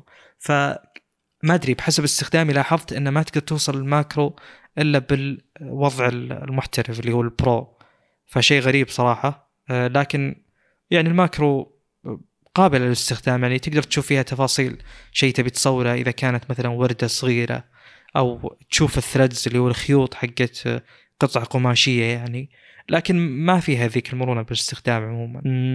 ال 870 اللي هو ال K 40 العادي يصور 4K 30 frame. الباقيين يصورون 8K 30 frame 4K 60 frame. طبعا هذا الشيء واضح إنه بسبب المعالج. الكاميرا الأمامية كلهم نفس الشيء بالضبط 20 ميجا بكسل آه والفتحة 0.8 آه ما أدري غريب صراحة الرقم هذا. آه باقي الأشياء تقريبا أغلبها نفس الشيء من ناحية آه مثلا واي فاي وكذا. في فرق بسيط بس إن 5.1 ال K 40 العادي الباقيين 5.2 لهم طبعا نفس المعالج مثل ما ذكرت قبل شوي. آه، كلهم ال USB Type C ال 2.0 لا زال يعني يعني لا زال نفس الوضع. آه، والملاحظة الغريبة أن كلهم بصمة جانبية كلهم حتى أعلى فئة. ما أدري شيء غريب صراحة. آه، كلهم نفس البطارية 4520 سابقا كانت 4500 بال K 30 Ultra وال K 40 Pro K 30 Pro 4700 لا زالوا بنفس سرعة الشحن 33 واط. آه، والأسعار التقريبية 280 يورو وهذا الشيء طبعا ما راح نشوفه بالسوق كالعادة للأسف. 280 يورو ال K 40 360 ال K 40 Pro 470 لل Pro Plus. فوش تعليقك وش رأيك؟ وهل هذه الخطوة الصحيحة في إنهم يتنازلون عن عادة متعودين عليها من K 20 Pro؟ هو آه، شاومي من الشركات اللي ما تتوقع وش بيسوون. فما في مواعيد محددة لأجهزتهم ما في تسميات محددة لأجهزتهم ما في تصاميم موحدة لأجهزتهم صحيح. تحس إنه يعني والعادة إنه ما. إي والعادة إنه مثلا ال Pro له وقته وال Ultra له وقته والعادي له وقته لكن المرة مع بعض فشيء غريب. أكثر جهاز ملفت للانتباه بالنسبة لي واللي فعلا ودي أجربه من كثر ما هو ممتاز يعني اللي هو العادي الكي 40 العادي. إذا هو فعلا فعلا ب 280 يورو يرجع إلى 350 دولار ما هي مشكلة. الجهاز ما أحس إنه ينقصه شيء نهائيا يعني. معطينك حتى نفس البطارية نفس رأس الشحن بس المعالج أقل بشيء بسيط كان كأنك ماخذ معالج شيء من 2000 و 2020 يعني مو شيء من 2021 فتحس إنه ماخذ معالج شوي أقدم. فمو مشكلة هذه تعتبر بالنسبة لي. لكن آه، بالنسبة للسعر شيء مبهر جدا. آه، وعموما السوق الصيني يعني منافسة فيه قوية فعشان كذا تشوف الأسعار زي كذا. آه، إذا نزل له روم عالمي دام ان شاومي متحمسة للدرجة ذي يعني ونزلت ثلاث أجزاء مع بعض فاحتمالية إنه يكون فعليا يتوفر بشكل أفضل ويتوفر له مثلا روم عالمي أو توفر له معنا خدمات جوجل سهل تحميلها زي ما جربت أنت يعني. بس أظن التحميل سهل لكن إيه. مثل ما قلت الأذونات غالبا هي اللي تاخذ أغلب الوقت. هو بالنسبة لي الأكثر إبهار لو كان السعر فعلا ممتاز اللي هو اصغر واحد. الأجهزة اللي فوقه مجرد إنه تحسين بالكاميرا تحسين بالكاميرا تحسين بالكاميرا فقط. ال Pro وال Pro Plus معليش يعني ال Pro أحسن. يعني سعريا والفرق وش تافه وش 180 ميجا بكسل بس دائما التحويل يعني من السعر الصيني إلى السعر الأوروبي يعتبر غريب يعني. آه ما أدري شاومي ما أتوقع وش بتسوي لدرجة إنه حتى التصميم أخذوا نفسه فما شدوا حيلهم إنهم سووا تصميم جديد يعني فشيء يعتبر غريب. مو مستغرب من شاومي يعني. أنت إذا قاعد تشوف شلون اجهزتهم صايرة وشلون ترتيبها تقول عادي يا رجال أخذوا تصميم من هنا حطوا عليه اسم من هنا ونزلوا الجهاز. رغم انه له كان سمعة مثلا محددة. ولا حرصوا إنهم يحطون شاشة كاملة زي ما كان قبل مثلا فالوضع آه، حوسه. لكن الشركة ذي تنحب علشان أسعارها وتنحب علشان أسلوبها إنه يكون فعلا توفر لك شيء مستحيل تحصل زيه مقابل القيمة اللي قاعد تدفعها. فعلا يعني صراحة ما تقدر تتبعهم. هم الآن عندهم تسميات ماشيين عليها ماشيين على التسمية لكن يمكن يمكن مثلا الكي 50 الجاي يصير هو المي 11 نفسه بالضبط مثلا. يعني ما تدري يعني ما ما في مقياس واضح مثل ما قلت أنت ابدا ابدا. لذلك لذلك أنا ليش كررت الكلام؟ لأن الآن لا تحكم على الجهاز حكم مسبق. لا تقارنه بالجهاز السابق منه لأن يمكن مو نفسه أصلا. يمكن شيء جديد. لكن كل جهاز يعني يقيم الحالة و يعني شاومي من الشركات اللي قاعدة تدف السوق بشكل رهيب جدا جدا يعني. آخر شيء عندنا اللي هو آخر شيء أتكلم كأخبار آه عندنا ال Mate X 2 آه من هواوي ال foldable الثاني. هم عندهم الاكس وعندهم الاكس اس آه الفروقات بينهم بسيطة فرق بينهم سنة. اللي عارفه إن ال X بسبب المشاكل أو شيء زي كذا أو أجلوا إطلاقه ما أدري بالضبط بس إنه الفرق بينهم جدا مهم البسيط. على كل حال ال X 2 طبعا أكيد منافس لل Z Fold 2 آه معلن عنه تقريبا قبل أسبوع. آه بذكر مواصفاته. الجهاز آه وزنه 295 جرام. اثقل من طبعا بقالنا بال Z Fold 2 بكل خطوة. اثقل من ال Z Fold 2 ب 13 جرام. 282 295 عندنا.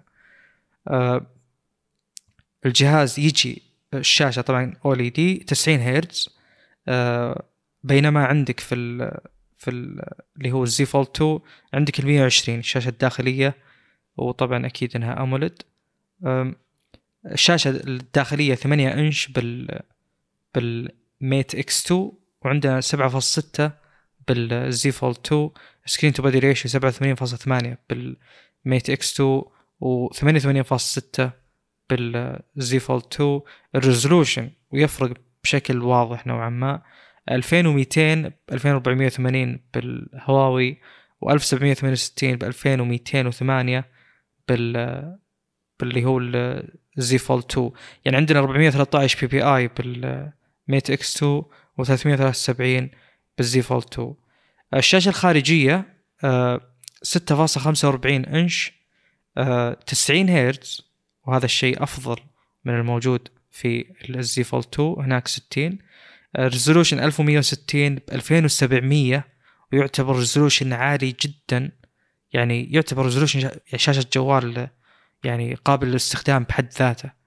آه، ولو إنها تعتبر طويلة بشكل كبير تقريبا 25 9 آه، نفس أتوقع إنها نفس ال aspect ratio حق اللي هو ال Z Fold 2 آه، لكن ميزتها أنها أكبر بشكل بسيط تقريبا يعني 6.5 مقابل 6.2 آه، يعني نقدر نقول بحكم بسيط ونظرة سريعة أن الشاشة الداخلية الأصل Z Fold 2 أفضل بينما الخارجية الأصل اللي هو ال X 2 أفضل. طيب بخصوص ال platform اللي هو النظام عندنا Android 10 على بشكل أساسي على Mate X 2 وطبعا ما في خدمات جوجل. المعالج Kirin 9000 ال 5 G الظاهر اللي هو نفس حق ال Mate 40 Pro وال Pro Plus هذا الشيء طبعا تكلمنا عنه قبل عشان كذا ما له داعي ندخل في تفاصيله. التخزين 256 8 giga RAM أو 512 و8 giga RAM أيضا. بينما ال Z Fold 2 يجي ب 12 giga RAM standard على ال 256 و 512 التخزين يعني سرعة الذاكرة أو النسخة حقتها مو معلنة. هي 3 point شيء معين. Z Fold 2 3.1 الكاميرات عندنا 50 megapixel لل wide و12 ميجا بكسل بالنسبة لل Z Fold 2 ككاميرا أساسية. 1.9 ال Mate X 2 23 ملي ال focal length آه، بينما عندنا 26 ملي بال Z Fold 2 بشكل عام أتوقع ذي الأجهزة مو مهم فيها الكاميرات بشكل أساسي لكن لكنها يعني أكيد تستحق الذكر. آه، يعني آه، ملاحظة الآن بدينا نلاحظ قد إيش إن ال Z Fold 2 صار قديم نوعا ما ما فيه مثلا المستشعر الكبير عند سامسونج اللي موجود على ال S 20 Ultra وال S 21 Ultra مثلا. آه، يعني 12 ميجا بكسل بأرقام الوقت الحالي تعتبر قليلة نوعا ما. بالنسبة لل telephoto عندنا 12 ميجا بكسل 2.4 70 ملي على ال Mate X 2 وعندنا 12 ميجا بكسل نفس الكلام 2.4 52 مو 70 على ال Z Fold 2 في كاميرا ثالثة ورابعة وهذا فرق عن ال Z Fold 2 إن ال Z Fold 2 ما في إلا ثلاث كاميرات. الكاميرا الثالثة اللي هي ال periscope telephoto تقريب 10 X يعني 8 ميجا بكسل 4.4 240 ملي ال focal length. والكاميرا الأخيرة اللي هي 16 ميجا بكسل اللي تقارن بكاميرا الزي فولد 2 12 ميجا بكسل بالزي فولد 2 الفتحة 2.2 عليهم اثنينهم.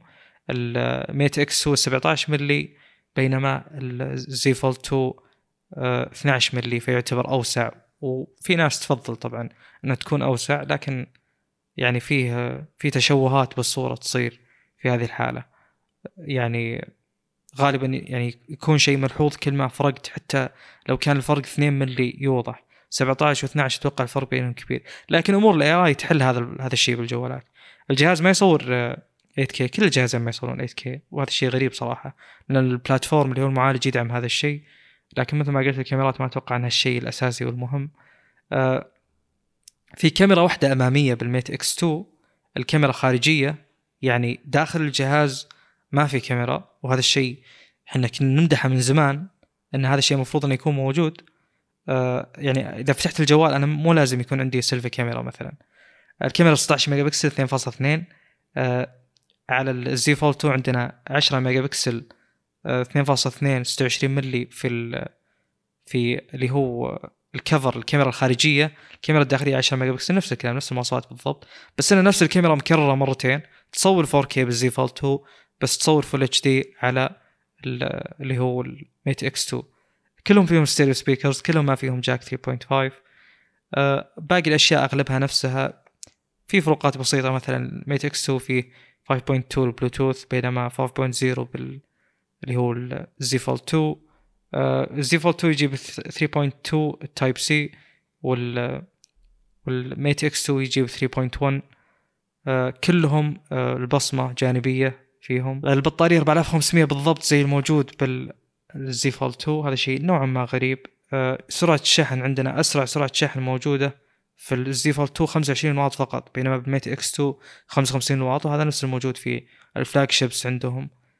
آه تقنية هواوي ال SuperCharge السعر 2300 يورو. آه لكن يعني من صارت تسعيره أجهزة هواوي باليورو؟ ما نقدر نحكم فعليا. آه في اللي هو يعني ما نقدر نحكم فعليا بالسعر.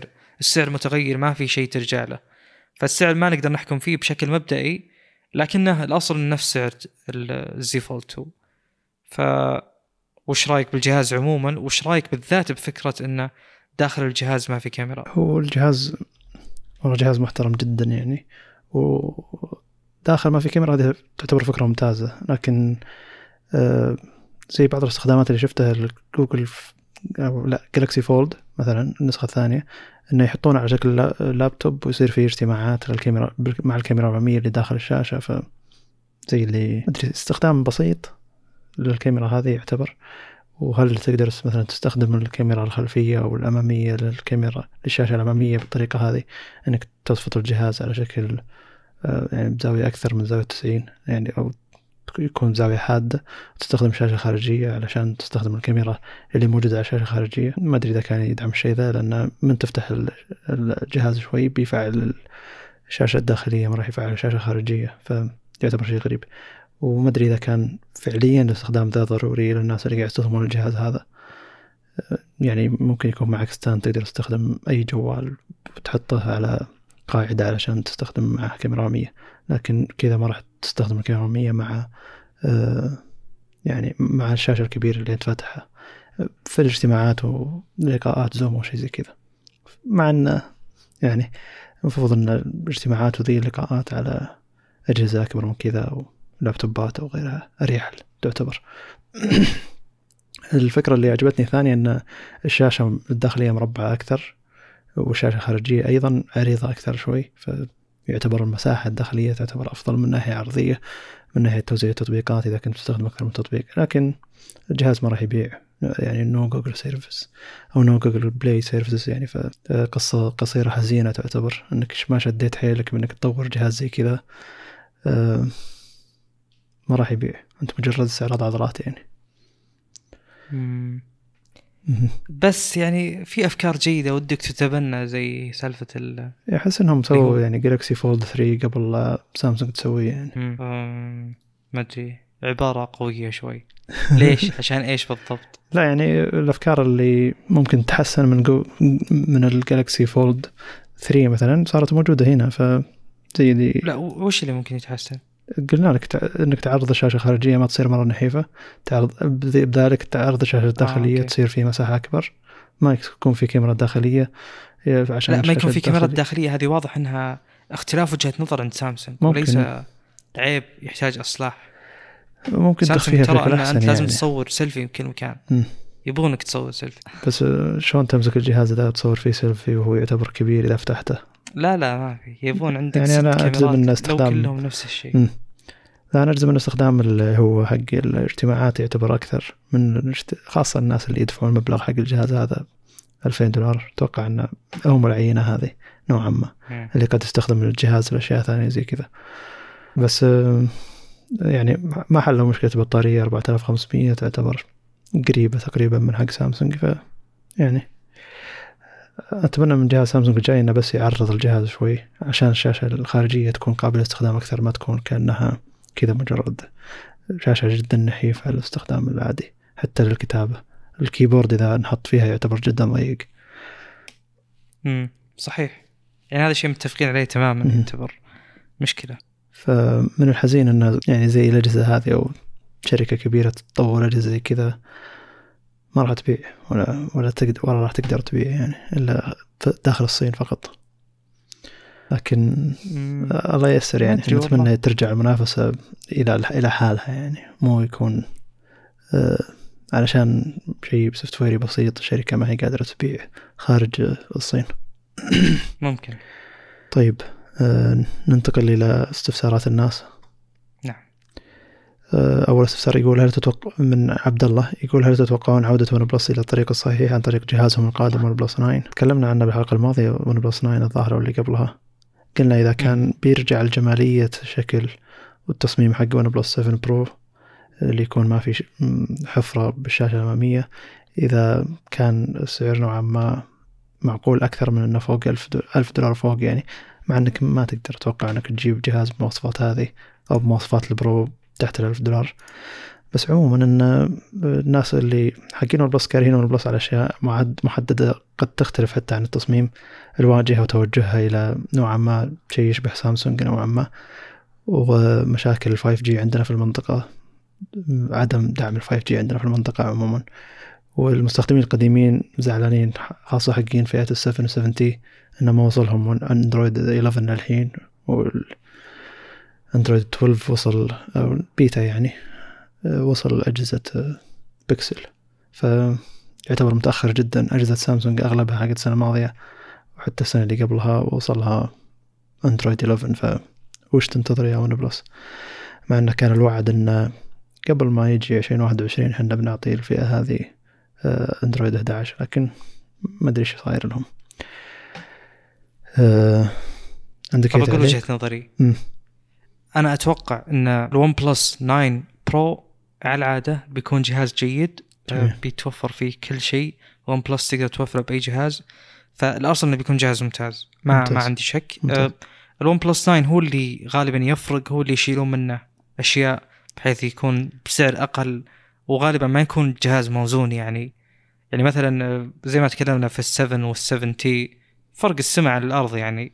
بأشياء بسيطة سووها بالجهازين فواضح انه ال 8 وال 8 يعني هم الفكرة. الجهاز الأعلى ثم يعدلون على الجهاز الأعلى عشان يصير الجهاز الأرخص جميل. لذلك الجهاز الأعلى أنا ما عندي شك إنه بيكون ممتاز ما راح أقول إنه بيكون خرافي وجهاز السنة وإلى آخره يعني ما راح أعطي هذا القدر من التوقعات لكن بيكون على سيرة الأجهزة اللي قبله جهاز محترم ممتاز.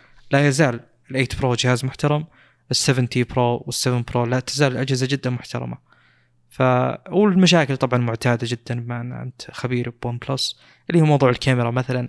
مو سيئة بس ما هي قد المنافسة ويبون سعر عالي مثل المنافسين. مع أسعار أجهزة سامسونج الجيدة مؤخرا يعني ال 1200 دولار ترى تعتبر ممتازة. لو جاء مثلا ال OnePlus 9 Pro ب 950 دولار ب 1000 دولار حلو. ما راح يكون مغري جدا ابدا ما راح يكون مغري جدا. لكن يعني أنا ما أتوقع للأمانة مفاجأة كبيرة من OnePlus ما أتوقع أنهم مثلا يتجهون لاتجاه تقليل السعر. يعني بيكون نفس الماضي. ما راح تكون خيبة أمل أكيد وبنفس الوقت ما راح تكون شيء مبهر جدا. مثل ما قلت 9 Pro غالبا بيكون ممتاز جهاز موزون إلى آخره في كل تقنيات OnePlus وللأمانة ما يقصرون يعني. هم يعطونك كل شيء. هم أول شركة أعطونا ال Quad HD على 120 هرتز. ممتاز. هذا شيء يحسب لهم بشكل كبير يعني. ترى بيكون جهاز يعني جريء. و... مم. وإن شاء الله يكون بالسعر يعني هذا ما يطلع عنه طبعا. هو وأنا أنا مع وجود أنا أدعم هذا الجهاز للأمانة. مع وجود شركة مثل شاومي وتقدم شاومي 11 آه، بسعر 750 دولار على مواصفات ال- مثلا جهاز سامسونج اللي سعره 1000 دولار فرق 250 دولار ف يعني شاومي هي اللي قاعد تعطي سعر مقابل أداء الحين بدال ون بلس OnePlus سابقا. كانت تعطي سعر مقابل أداء بس العقليات تختلف بشكل كبير يعني شاومي عادي شوي تلاحظ رخص ببعض أجزاء النظام من ناحية إعلانات الأشياء ال built-in الموجودة فيه من الأساس زي WPS Office اللي هو حق. زي Microsoft Office فيه. ال- يعني أشياء تقدر تخلص منها داخل هذه Word يعني. مشكلة. يعتبر رخيص جدا. أنا أتكلم كعقلية يعني اللي موجود ب OnePlus ترى شيء أعلى بكثير من اللي موجود بشاومي. من هذه الناحية تحديدا. فتحسهم ناس أرقى شوي يعني فهمت؟ فيعني ما تقدر تقارنهم بشكل مباشر. أنا ما عندي مشكلة الأمانة يكون أعلى ب 100 150 دولار المنتج هذا اللي من OnePlus. لكن في جميل. أشياء أخرى ما تقدر تنافسها زي سرعه الشحن وإلى آخره اللي تجي مع مثلا ال Mi 11 طيب. آه، السؤال بعده يقول موضوع الحلقة عن شنو؟ يقول ليش ما تسوون حلقة live؟ صعب حلقة الموضوع إحنا يعني. نحدده عقب يعني إحنا نشوف وش أكثر شيء تكلمنا. عنه وركزنا عليه ونصير نحدد الموضوع بناء عليه آه، لكن غالبا يعني أتوقع الأشياء اللي اخذت ال- ال headlines يعني على قولتهم اللي هو مثلا الكاميرات وال ال- سلسلة الكيل الجديدة حلو آه، المقصد هنا إنه يعني إحنا نحدد العناوين الأساسية يعني تعتبر كثيرة بالعادة. ثم وش أكثر شيء ناقشناه ومثير للانتباه بزيادة نحدد عليه العنوان حق الحلقة. يعني عنوان الحلقة ما يختار قبل لا نسولف في الحلقة لا. قد يكون مثلا آه، نختار عنوان ثم ما نسولف فيه فترة طويلة فيكون زي اللي أنت داخل عشان العنوان هذا ثم تكتشف إنه مدة خمس دقائق كان الموضوع هذا. لكن العنوان عادة هو ياخذ أطول فترة داخل البودكاست اللي ناخذ فيه الخبر انه ياخذ فترة فيه طويلة ويكون نقاشي نوعا ما نحطه كعنوان يعني في العادة. وما يكون في موضوع واحد يعني العادة يكون مواضيع كثيرة و... وترى ما نحدد بالضبط إحنا وش بنسولف عنه هو يجي مع الس- ضمن السوالف والنقاشات يعني. إحنا بس نحط العناوين مثل ما قلت. م. وال... الأساسية. وموضوع إن الحلقة تصير live ما أدري والله. أحس إنه شيء يعتبر صعب إذا كان live فيديو لكن صوتي يعتبر شيء أسهل. لكن هو أنت اللي تقول لي أول نبي نبي فيديو كنت متحمس. لا هو وأنا أقول لك يبي يعني. له استعداد. أه، لكن ممكن يعني يكون في حلقة خاصة مو خاصة أقصد يعني لما نوصل إلى رقم معين بنسوي مثلا بث مباشر ولا فيديو بشيء معين. يعني الش- الأشياء ذي تكون لها مناسباتها لكن بشكل أسبوعي نسوي فيديو أو نبث حلقة بشكل مباشر خاصة بعض الحلقات يصير فيها أخطاء ولا نوقف فترة معينة ناخذ break فما راح تكون شيء مرتب لو يكون live أكثر. أه، طيب يقول أه، السؤال اللي بعده من عيسى يقول ما هي آخر أخبار نظام آه، فوشسا من جوجل؟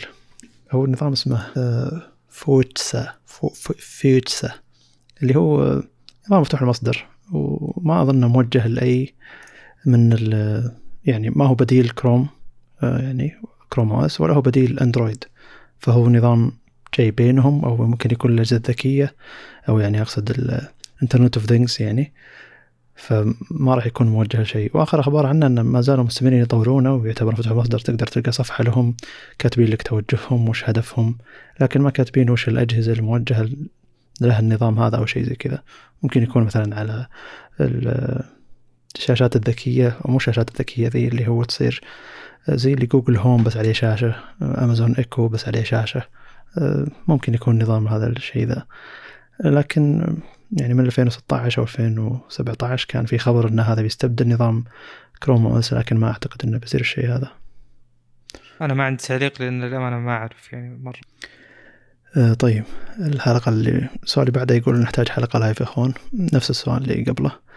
آه، سؤال ثاني من حسين يقول آه، أول شيء يعطيكم العافية. هل هناك أي تبعات بعد ما اشترت HP شركة HyperX في توقعاتكم؟ هل الأفضل أو الأسوأ؟ هو ما. هو ما راح يتغير شيء عموما. يعني علامة HP ما راح ما راح تكون موجودة على الأشياء اللي تصنعها كينغستون مثلا ال PC مثل الذواكر والرامات أو كذا. لكن الأشياء اللي تجي جانبية مثل مثلا سماعات أو آه، ماوس أو keyboard آه، كينغستون بتغير أو HyperX يعني وممكن تكون HP ممكن تكون Omen اللي هو قطاع تبع HP مخصص للاعبين يعني عشان التصميم يناسب الشيء إي فما راح أتوقع إنه في ما أدري والله مع إنه يعني HyperX كسبت سمعة ممتازة من ناحية سماعات فالمفروض إنك ما تحط سماعات تغير اسمها لأنها خلاص أخذت اسمها وانعرفت. حتى لو إنك شريت الشركة المفروض إنك يعني تكمل على اللي ما هم عليه من ناحية التسميات. أنت شريت شركة عشان تطورها مو عشان تحط ضمن التسميات اللي أنت فيها يعني. إلا إذا كان عندهم هدف إنهم يسوقون مثلا ال- ال package حقهم كامل ال Omen يكون معه سماعة معه keyboard معه ماوس محترم يكون يكسب سمعه جديدة بدل ما إنك بس تبيع HyperX زي ما هي عليها. الموضوع في وجهة نظر بشكل كبير بس الصحيح إن في سماعة عند HyperX هذه ال- الهيدسет السلكية. آه، يعني كسبت سمعة يا رجل. والله ما تقدر تغير الاسم. يعني آه، ما أدري. صعب تسميها Omen Cloud ما أدري وش اسمها هي. فأقصد إن يعني ترى عادي تصير من ضمن الصفقات اللي مقتصرة على الاستحواذ. عادي تصير منتجات آه،. آه، اللي هو HyperX آه، مثل ما هي يعني. ممكن الاشياء اللي أقل غير. مطلع على. الشيء هذا ممكن الاشياء اللي سمعتها أقل مثل الكيبوردات والماوسات مثلا واشياء زي. كذا أشياء جانبية تعتبر أكثر يعني مم. وترى بعض ال... بعض ال- الصفقات اللي تصير مثل كذا يصير لمجرد يعني التبادل يعني مثلا أطلق نفس المنتج بس بال two logos عادي يعني حلو فيتحسنون الاثنين وكأني أنافس بالسوق اللي كل اللي فيه مثلا أنا طبعا مو بس هم الموجودين بس إنه عادي يعني قطاع Omen يعتبر ناجح نوعا ما و HyperX ناجحين بلا ادنى شك. فدام إنهم كلهم نا- ناجحين عادي ترى تستمر عليه. HP عندهم Omen يعني عندهم سماعة فيها تقنية آه، التبريد مدري وش وفيها هواء يعني ممتاز. من داخل أو شيء زي كذا. فللأمانة عندهم عندهم أشياء يعني. مم. ممكن إنه يضاف شيء ذا ال- الاسم حق HyperX مثلا ممكن.